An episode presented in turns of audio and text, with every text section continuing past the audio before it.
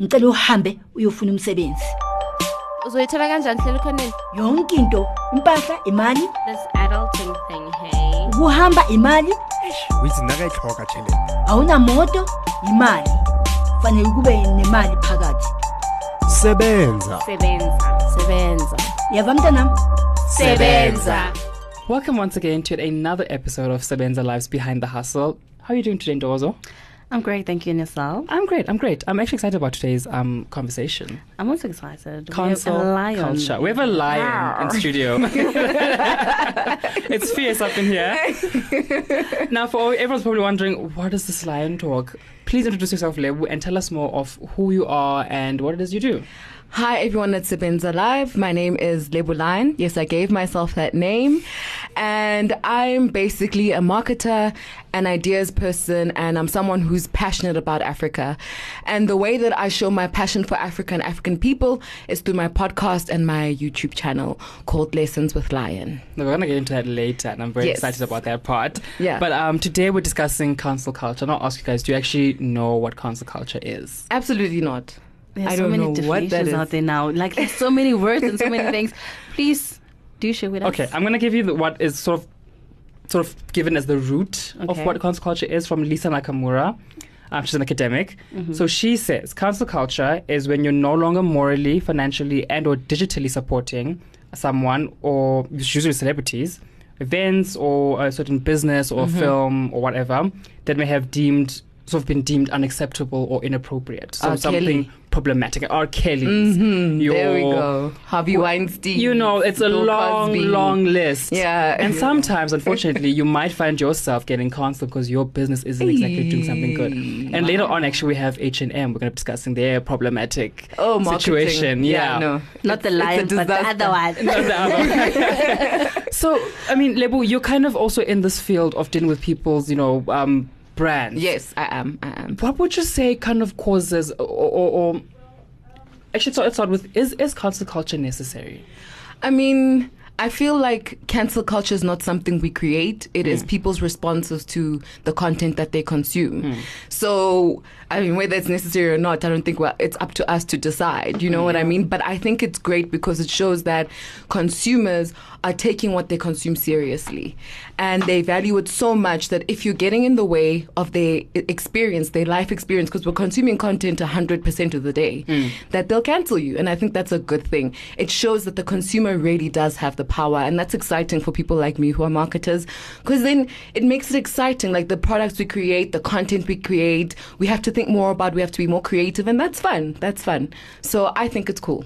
Do you feel it works though? I mean, yes, we're all gonna get together and go like, okay, no, um, this business has made me feel un- un- uncomfortable as a black person, Yeah. so let's stop supporting. Do you feel it works? Because it, since for me, a lot of the time, it's just a social media thing where we retweet and we've shown support, and that's just about it. But you're still showing off your. You're still is gonna still go showing by. off, yeah. You're Yeah. still gonna listen to the music, you know. Yeah. Yeah, I mean, it's quite a complicated thing, I think, because as a consumer, so if I'm talking from the perspective of a consumer, I make my money. I wake up every single day. I go to a job I might not like. Most mm. of us don't like our jobs. Then we spend our money in places where we think there's value.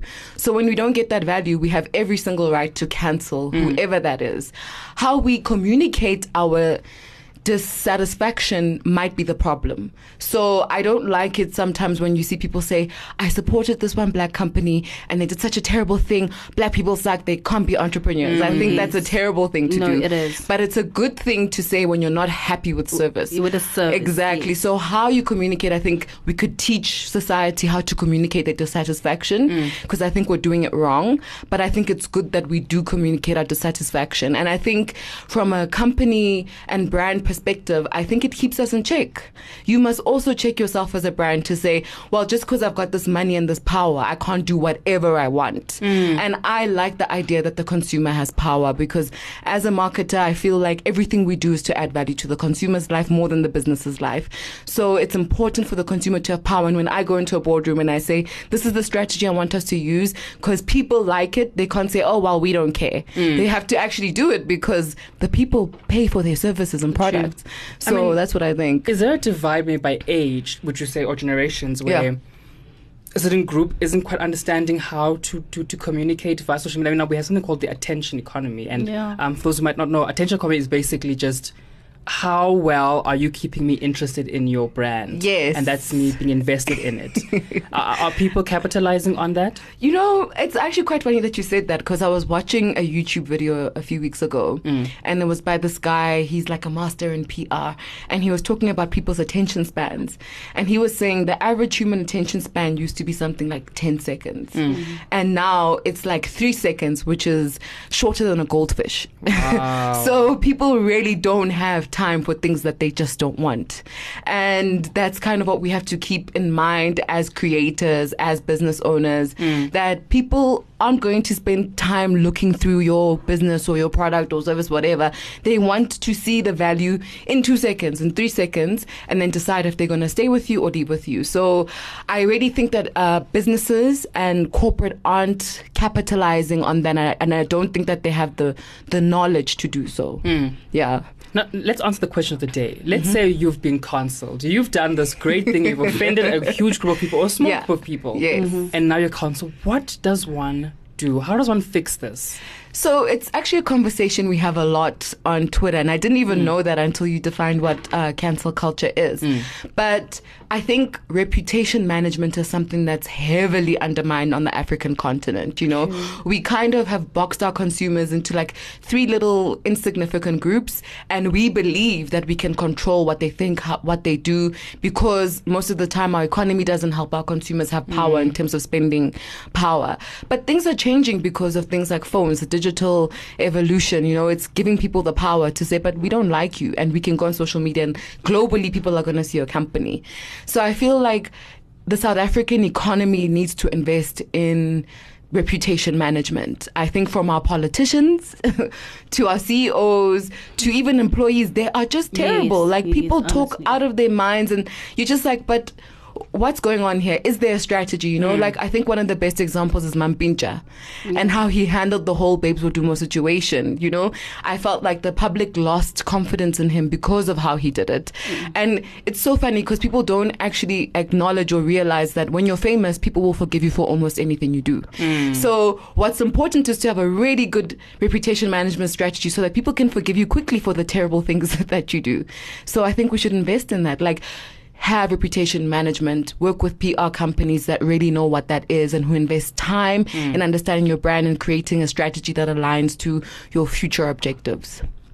I like Yeah. that. Reputation management. Yeah. That's a career I need to That's get actually into. a good one because, I- because at the same time, it's like people always want to do the same thing. We all- Exactly. everybody just wants to market, market, market, but Yeah. there's something else that you can do. And Yeah. reputation management sounds like a the very, very good one. Yeah, and you guys as media, I mean, are one of the biggest stakeholders in reputation management because we come to you guys. We hmm. come to radio, newspaper to help, to ask you guys for help, you know, and we want to manage our reputation. So you guys also have the power.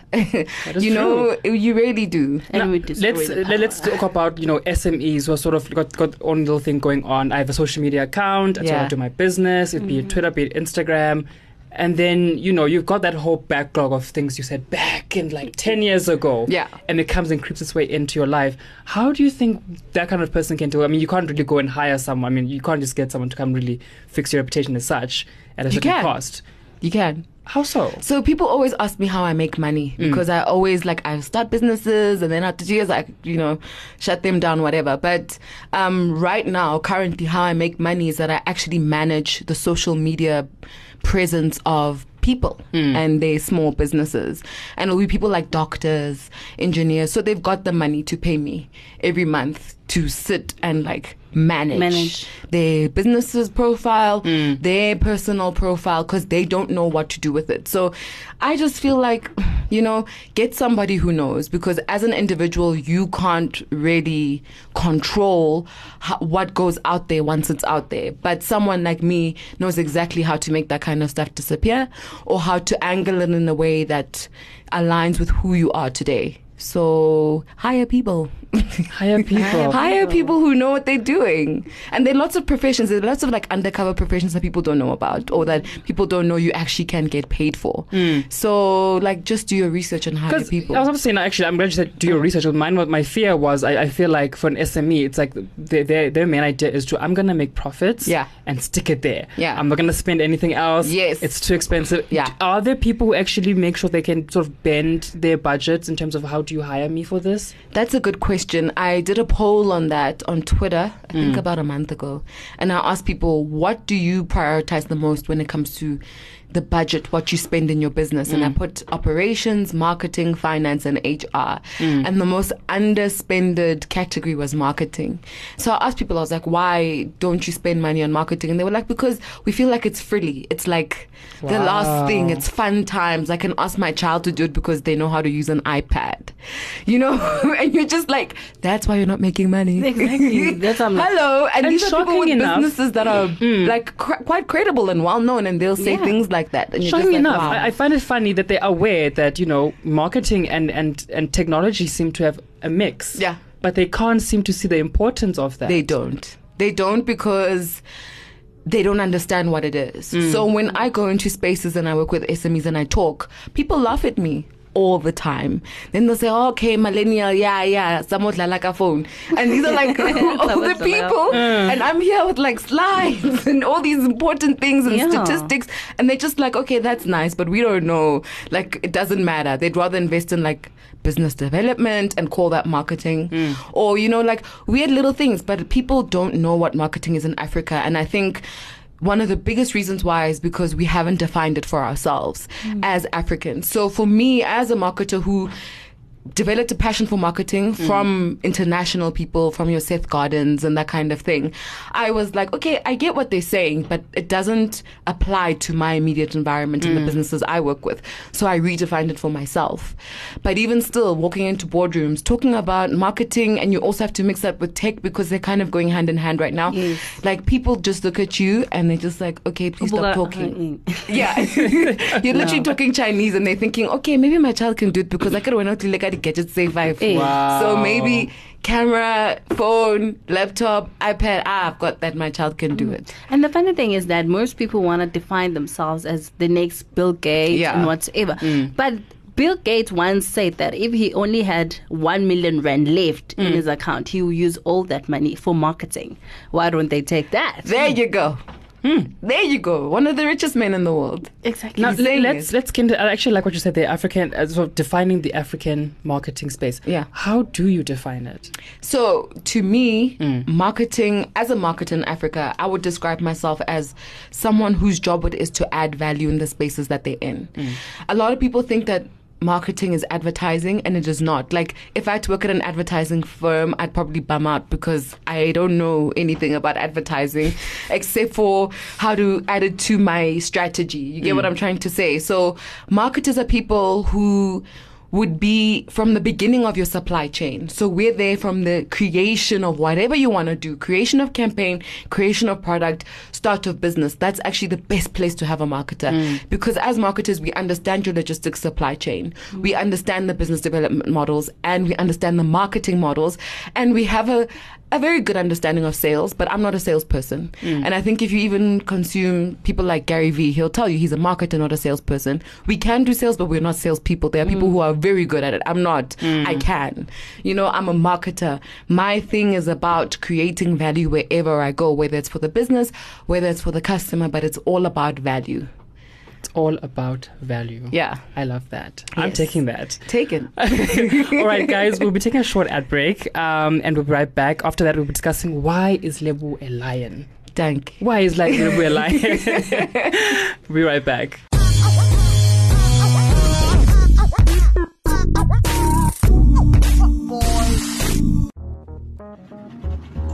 Tune in to Cargumentative every Monday morning on Times Live Motoring.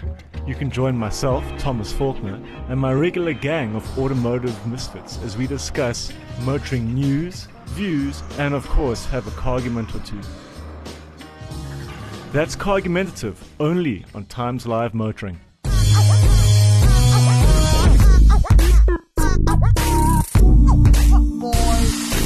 All right, guys, welcome back. We are still with Lebo Lion as she waves to our camera. Hi. Can, can they see us? They can't see you, unfortunately. Oh, bummer. Um, but let's jump into that actually. Um, Let's go into your podcast. And w- yeah, okay, we got into why you're Lebo the Lion. Yeah. Lebo Lion. But um, let's jump into your podcast. What What is it about? And for those who don't know, what exactly do you discuss? So my podcast is called Lessons with Lion, Mm-hmm. and it's basically a marketing and entrepreneurship podcast. And I talk about the marketing and entrepreneurship landscape in Africa Mm. because that's what I know, you know. And the reason why I started the podcast is because I used to consult for a lot of SMMEs, and I'd be like the conduit between them and big businesses. And big businesses would always be frustrated because they felt like these SMMEs weren't ready to be worked with, you know? They weren't viable. So I was like, okay, let me let me just get into this and see what I can do. Mm. And I met a guy and he was like, "Hey, why don't you do a podcast? I mean, you're so busy and you can't meet everybody. So why don't you do something that they can access anytime Yeah. Yeah. and you can give it to them whenever you have time." So I started my podcast called Lessons with Lion and I I call it a digitally philanthropic podcast because it's free that. and it's helping you build your business, it's helping you build yourself. So you could be paying for that, but it's free. So that's my way of giving back to the African economy. Now, for me, I mean, it's it's not the easiest thing to put a podcast together. Yeah. How? What is your equipment? Is it just the phone? how, how does one put together the the, the, the life the lessons with Lion? So people ask me this all the time. And they're like two kinds of people. They're people who respect tech and gadgets and they mm. just want you to say pop filter, whatever mic. and like, okay, cool, you can use those things if you've got the money. But I think what the digital revolution has shown us is that it's more about content and clarity than it is about like the best quality content, you know? Mm. People don't care if they can hear a bit of a in your podcast as long as they're getting value from your content. Mm. So, um, and especially in America, for instance, I mean, the podcast wave is so big there. Mm. Most people are recording podcasts on their phones. Anchor is one of the biggest podcast recording apps that you can get on your phone. Hmm. The quality is great. I've used it for some of my podcasts. And you literally just sit there in a quiet room, record, and they've got a, a thing called Anchor FM. Hmm. So you put your podcast there, it's like SoundCloud almost. Okay. So anybody who's got a podcast, yours will be there with theirs. I mean, Kim Kardashian's had one there. Ashley Graham, a lot of people record their podcasts on Anchor because it's just that easy and quick and cheap. So honestly, if you really want to start a podcast, make sure that you're starting it because you have something to say, not mm-hmm. because you think podcasts are cool, because that's what's going to put your podcast up on the rankings. It's mm. not about the quality. I mean, my podcast has been on iTunes top charts a lot. And I feel like the quality of the recording is not as great as let's say Gary Vee, but I'm on the chart with him. Mm. You know what I mean? Because the content matters and people like it. Uh, so yeah, I mean, I started off with a phone app, Opinion. It's also great, but it won't allow you to add things like music or jingles in the beginning. Mm. And then you've got Anchor, which has that built into the app. Mm-hmm. So you can just use that, record, and it will literally, it's like so easy anyone can do it. Uh, but now i use a microphone. I have a audacity on my laptop. Audacity is great because it's a free a recording software. So you just need a laptop but you do need a laptop that works very well because if you don't if you have a very slow laptop with a slow processor audacity is going to take forever. So i feel like once you get into the tech element of it, it becomes tricky because the fancier your equipment and the more current your equipment, the faster and easier the process is. But if it's not, it's going to sound even worse than if you just use a, a, a, a sound recorder on your phone. from that yeah. so be careful with the tech. Now, from the episodes you've had, um, which which episode really stood out for you, or you For enjoyed the most? Yeah. Some recommendation. like, If you That's if you want to start hard off with us, where do we go? Like, this is the one. This is the this one. one. So my highest listened to show is one that's called Viral Marketing when content goes boom. And I started this. I created this podcast based on that. Um, what's it called? It was a viral challenge with these really hot guys. I think they're in the UK. The, the black guys with the abs, and they dance. What was that called? I remember this now. The four of them, the four yes, of them. the four hot Yeah. guys. I forgot the name of that challenge, but it was Coupe. We've got Paige at the Coupe back, dance. nodding her Is head, very Coupe? happy. I'm not sure, but then I remember. I, think it- remember that. Yeah, something Coupe like a boys. I remember Coupe boys or whatever. boys, yeah. yeah. So when that happened, I was like, actually, I need to talk about this because people need to understand how Mm. things like this happen. And it went. It also went viral, like it went big very quickly. And then another one that I personally enjoyed recording, that people every time they see it, they're like, actually, this is so cool, is one that's called "What We Can Learn from Slay Queens." Ah, 'Cause- yes, I like this one. I find that what you learn as a marketer is that you never undermine people. Mm. People are your reason for doing what you do. So I found that in South Africa, we've always created this bad rep for slay queens. And actually, you can learn a lot from anybody you meet. And they teach you a lot about networking. They teach you a lot about personal branding mm. and just like physically, how should you look if you want to get what you want to get.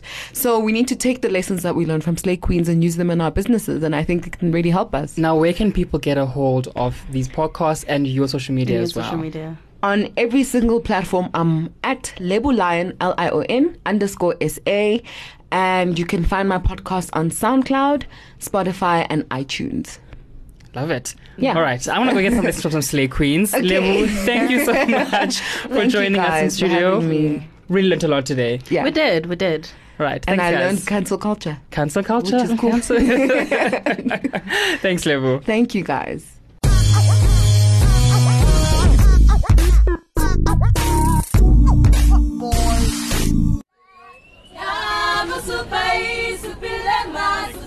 Join me, Paul Ash, in a beautiful soundscape as we explore the world in the Sunday Times Travel Podcast.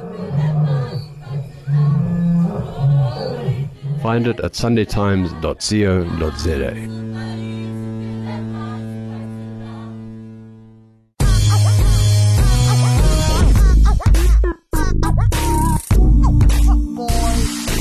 Welcome back from the ad break. We are now joined by Amelia and Oldouz from H&M. Guys, how are you?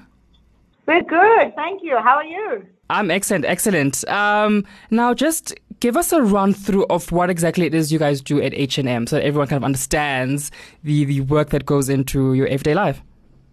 Sure. Well, um, my name is Oldouz Mirzaie. I'm the country manager for H&M South Africa. Um, I've been in the company for nearly 17 years now.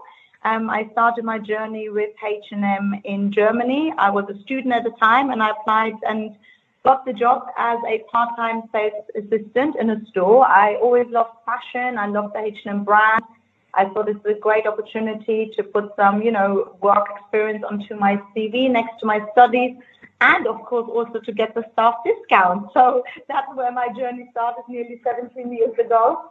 Uh, indeed, a fashion lover uh, then and still. Um, and um, yeah, and then I fell in love really with the brand Essos, what we stand for, um, that sustainability plays such an important integral part of the business and very much the values. Um, H&M is a value company, and we have seven values that kind of are at the core of everything we do. It's also how we recruit people. We say, you know, um, hire by uh, aptitude and by values and then train for skill. And this is also how my journey has been. I have then the opportunity to work in several countries, um, with, you know, uh, work my way up in uh, all the different management roles in the stores. So from a trainee to a department manager, assistant store manager, open stores um, across Europe.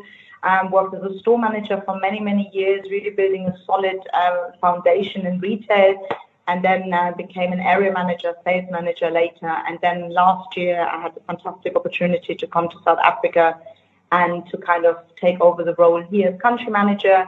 And the role very much entails um, really leading um, the organization here, um, ensuring we have a great local footprint, taking our global uh, goals and initiatives and adapting them to the local market, really making sure that our business idea of fashion and quality at the best price in a sustainable way is visible at everything we do to our customers to improve the customer offer and the shopping experience and uh, do this together with a fantastic team of colleagues.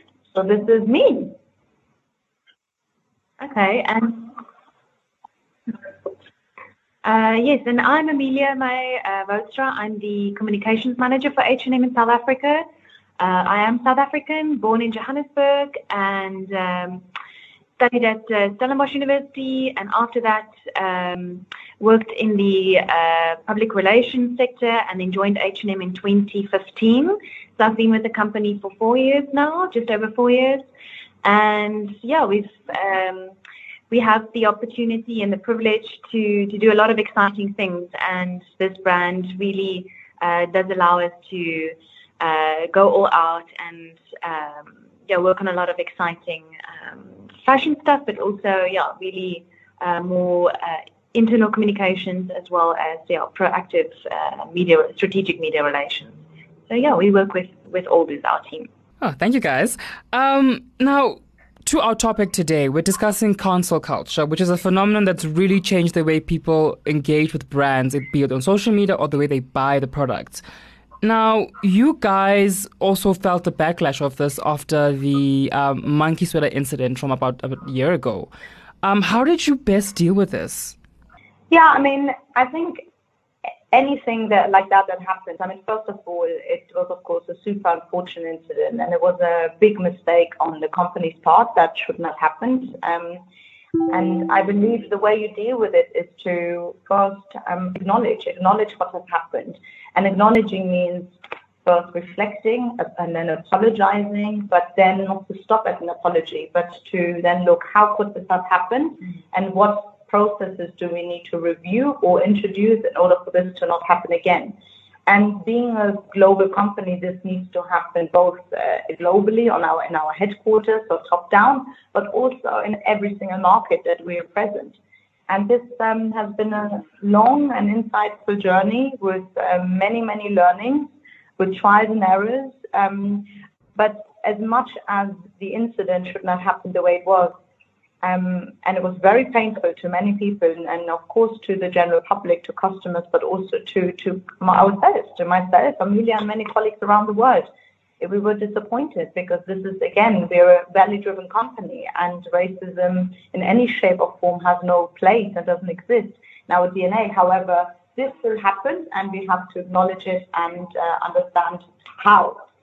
Um, however, having said that, in hindsight looking at the journey since, the journey of growth, the journey of listening, of learning, and actually allowing for this kind of crisis to turn into an opportunity. And nowadays, we could almost say even into a success story because, um, yeah, in hindsight, we feel a lot of good has come from this, has stemmed from this. Of course, we would have wished for the trigger to have been different, but nonetheless, um, it's not about how you fall, it's about how you rise. And uh, we've had many collaborators, many partnerships, because this has been a big, big learning as well that we don't, we cannot and we shouldn't be doing this alone. There's many experts, many people out there, many initiatives, um, many foundations that are experts in this field, and they reached out to us. We reached out to them, and what was more of a teacher-student relationship um, has turned into kind of an eye-level uh, partnership.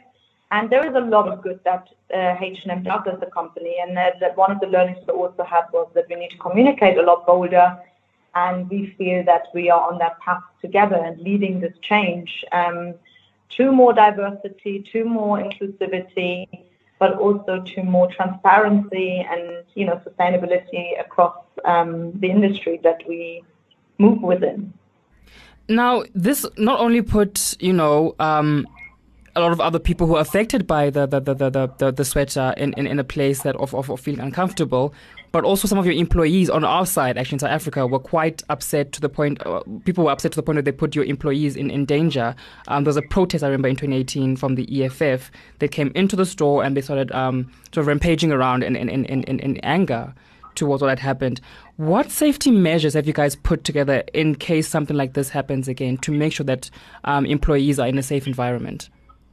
Uh, yeah, I mean, I think you know it's um, at H&M we always put our our customers and our employees first, and after what happened, we of course had to update uh, uh, and increase our security to ensure that our, our staff members are safe and and uh, that our customers are safe. And I think you know in future, obviously, you don't uh, you can't really plan for things like this to happen. Um, but we we have to be uh, aware of, of the incident that took place last year, and we have to take the learnings from that and be sure that you know if and when something like this in future does happen, uh, we can uh, react in, in the best way possible. I also just want to say that none of our team members were hurt uh, during the incident last year, and uh, and actually what we saw was quite interesting. We um, yeah we during the the incident. I mean it wasn't good what happened, but the way that uh, certain uh, people raised concerns uh, that is that's a discussion for another day. But what we saw was that our our colleagues all came together and really wanted to turn this crisis into an opportunity to learn something from it, uh, to collaborate, and to really come out stronger. So, yeah. I think it's about proactivity. Um, what you can, as Amelia said, you can never plan for how you know a certain situation would mm. go. It is our responsibility as, as a brand towards the public, but especially as an employer towards mm. our teams to ensure that we don't allow for situations like that, mm. that we do not, you know, do anything that would even um, make, you know, anybody want to come and in any shape or form show abuse towards our teams or our yeah. stores. So this is our responsibility, and this is what we have been focusing on. You know, it's not about now being, you know, scared and, and putting, you know, all sorts of security measures out there. It's about going deep, digging deep, and really learning from this and ensuring that we put the right measures in place that something like this will never happen again. That we do not offer any reason to, and that we do not offend anybody. We are a fashion company. Our vision is to make people to look and feel good, and this is what we have been focusing on. Um, but it is also fair to say that, of course, when incidents like that happen, it always comes, unfortunately, at a cost often of people that at no time um, had any role in this or have any fault in this. The incident that took place was, of course, not at the you know fault of our store team. Mm. Um, so it was very unfortunate that they had to kind of, you know, be facing the rather aggressive nature of the protests. Um, nonetheless, as Amelia said, we of course had to close the stores for a couple of days, uh, just a few of those, just to make sure that the situation was under control. And we of course offered also support um, with our team employees, and thankfully nobody was physically harmed. Um, yeah, like I said, the focus has to be on working on the things digging deep to ensure that errors like this do not happen. Making people look and feel good. I love that. And it's something you guys have continued actually, especially on the local front. Um, please share any of the latest news you guys might have in terms of what are you doing um, South Africa wise. I mean, there's a lot that's been happening I think people should really know about. Yes, indeed. So um, the happy news really and very exciting news. And we really feel extremely proud. I mean, looking at where we were a year ago, um, we don't feel that our work is done now. We feel there is still plenty more to do, plenty more proof, plenty more collaborate, plenty more to inspire. However, uh, we feel extremely happy and proud of the progress we've made so far. And part of the seven commitments that we made public at that time um, was train, to educate, um, to have you know people dedicated, responsible for um, these parts of the work. So we have introduced globally and locally sustainability managers and, and uh, colleagues who can take really the matter of diversity and inclusion um, into everything we do. Um, it has always been a part of what we do for years and decades, but we definitely realize that there is more awareness we need to raise and uh, more concrete actions that need to come. Furthermore, we have continued and committed to the South African uh, economy by still strengthening our footprint across South Africa. So we have opened some more stores last year, but also just recently we opened our very first store in Port Elizabeth at Walmer Park. And we also opened our first store at the Loch Logan Mall in Bloemfontein. We will have another store later on this year opening at the Fourways Mall in Johannesburg and uh, we've done extensions to existing stores, like in our uh, flagship store in Durban. We have added the home concept. And uh, this is just many of um, one of many um, initiatives in terms of improving our store portfolio. Um, and then we have also committed to starting to test local production. This was uh, something that, uh, as a brand, we've been looking in uh, for years. Um, but you know, as you're probably well aware, the South African production manufacturing industry used to be a very big one, a very meaningful one. But over the last um, maybe two decades, this has really unfortunately decreased. And uh, there is many reasons for this. Of course, with uh, global competitors really increasing their industry when it comes to textile and production. But um, together with, you know, the EDD, so the Economic Development Department, um, the IDC, but also SACTWU, the Union for um, South African Textile, um, we're collaborating. We're looking into ways how local production maybe could be feasible for us. It is a challenging field, and it is a field that a global brand on their own cannot, you know, fix. However, uh, we have employed a local supply chain specialist into our organization so Ryan joined us now in April. He has a lot of experience in this field. And uh, we decided to employ somebody full time to our organization so that we really follow through with our commitment and that this project can really get the best support uh, with expertise, but somebody who is local, who you know can build that network with local suppliers. And this work has already started. And um, again, it is a test and with every test, um, we have to evaluate throughout the process and then see if we can either scale this up or if this test doesn't end up being um, how we imagine it to be. However, it is important that we're committed to this and that we really want this to be successful. And another way of us committing to the local economy and also creating job employment. On the fashion side, which is of course at the core of our business, and we're super excited to have announced H&M's first ever African designer collaboration. And this is with the South African brand Mantsho, uh, led by um, the fabulous designer Palesa Mokubung. Um, Palesa is very known in uh, in South Africa and on the African continent. She's been in the business for more than 15 years uh, really bringing her uniquely African design and South African fashion yeah, to the runways across the world. Um, we love how you know she masters really her craft. Uh, she really understands who her customer is. Uh, she really understands how to work with you know bold fabrics and prints and how to you know really play with the silhouettes and flatter the female body and also her ethos um, and her way of thinking and kind of being a truly South African brand, but with a global appeal, really was what attracted us to her. And yeah, we started this collaboration behind the scenes about half a year ago, six months ago. And uh, earlier this month, we were able to yeah make the announcement locally and globally. And yeah, we're super excited. And um, the collection will hit our stores all over South Africa on the 15th of August.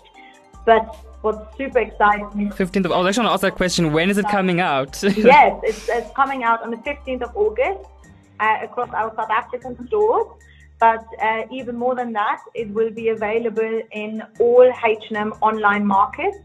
So by the time we launch in August, there will be 48 online platforms uh, across the H&M uh, world, and it will be available there and also in further selected flagship stores around um, the world. So there is 10 more countries aside from South Africa that will be selling the collection also in selected flagship stores. So we're really putting, you know, South African design, South African talent, South African fashion onto the world map. And we're, yeah, super excited that Palesa um, and her brand Mantsho are on this journey together with us. Perfect. Now, how can people stay in touch with H&M on social media platforms, websites? Please let us know about those. Uh, yeah, so with uh, social media and uh, nowadays it's so easy to um, to stay up to date. Um, so we've got a South African Facebook uh, profile as well as a South African Twitter profile, HM South Africa, and we have a global Instagram account. So we'd really encourage um, your listeners to to touch base with us on those platforms. All right, perfect. Thank you so much again, ladies. I really enjoyed this interview. Thank you.